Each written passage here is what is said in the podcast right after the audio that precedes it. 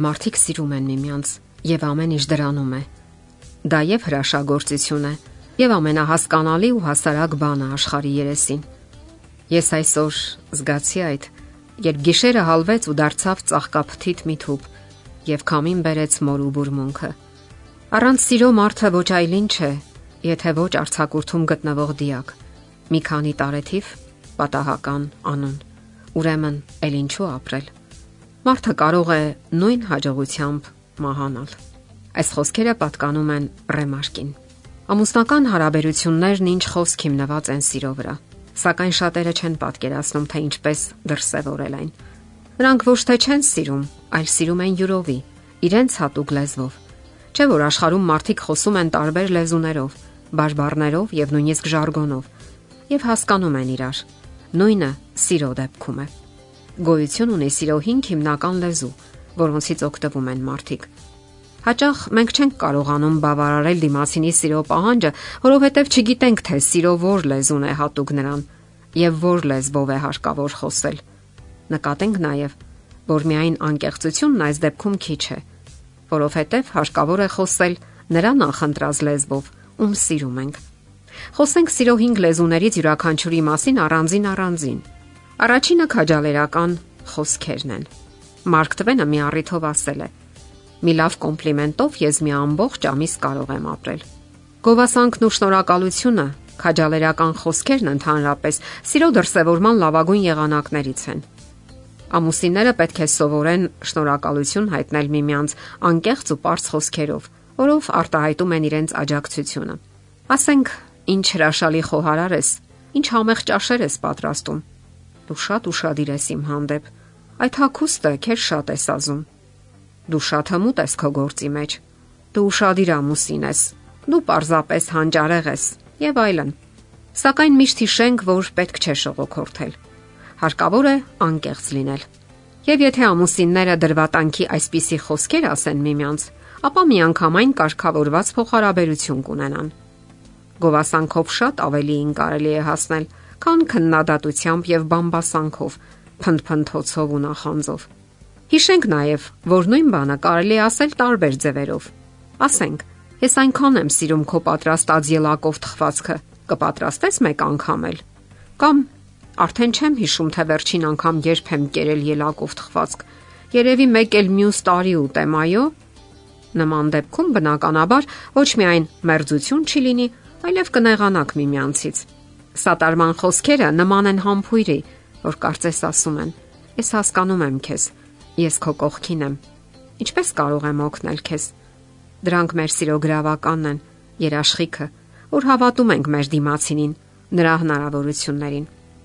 Սիրո հաջորդ լեզուն ժամանակն է։ Դիմացինին ժամանակ հատկացնելը սիրո լավագույն դրսևորումներից մեկն է, որովհետև սա նշանակում է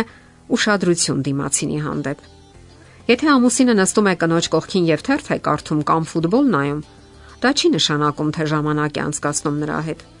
Հարկավոր է գտնել այնպիսի զբաղմունք, որը հետաքրքրում է երկուսին էլ։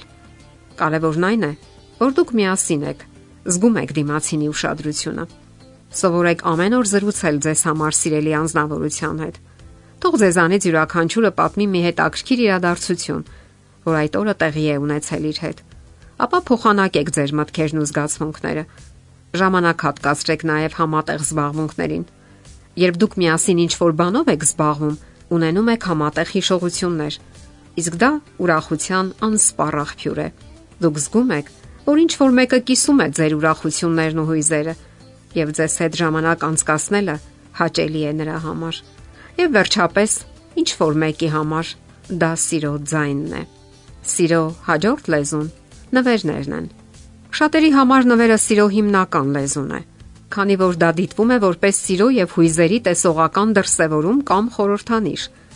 Առանց նվերների սերը կարծես կասկածի տակ է դրվում։ Երբ վերցնում ենք նվերը, զգում ենք, որ ինչ որ մեկը մտածել է մեր մասին,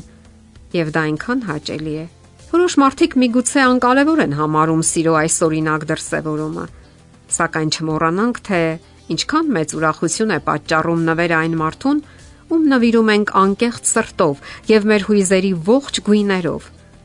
Եթե զգում եք, որ ձեր դիմացինը սիրում է նվերներ ստանալ, ժլատություն մի արեք։ Ընդհանուր առմամբ սա սիրո ամենահեշտ լեզուն է, սակայն քչերն են տիրապետում այս արվեստին։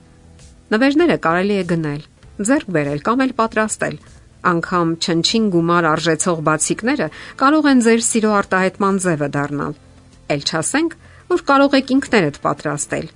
Մի սпасեք հատուկ առիթի։ Եթե ձեր ամուսնու սիրո հիմնական լեզուն նվեր ստանալն է, ապա ինչ էլ նվիրեք, նա կընկալի դա որպես սիրո դրսևորում։ Սիրո հաջորդ լեզուն օգնությունն է։ Օգնել նշանակում է կատարել այնպիսի գործեր, որ ցանկանում է ձեր կինը կամ ամուսինը։ Ինչը վստահ եք, որ հաճույք կպատճառի նրան, եւ ինչը ձեր սիրո արտահայտությունն է։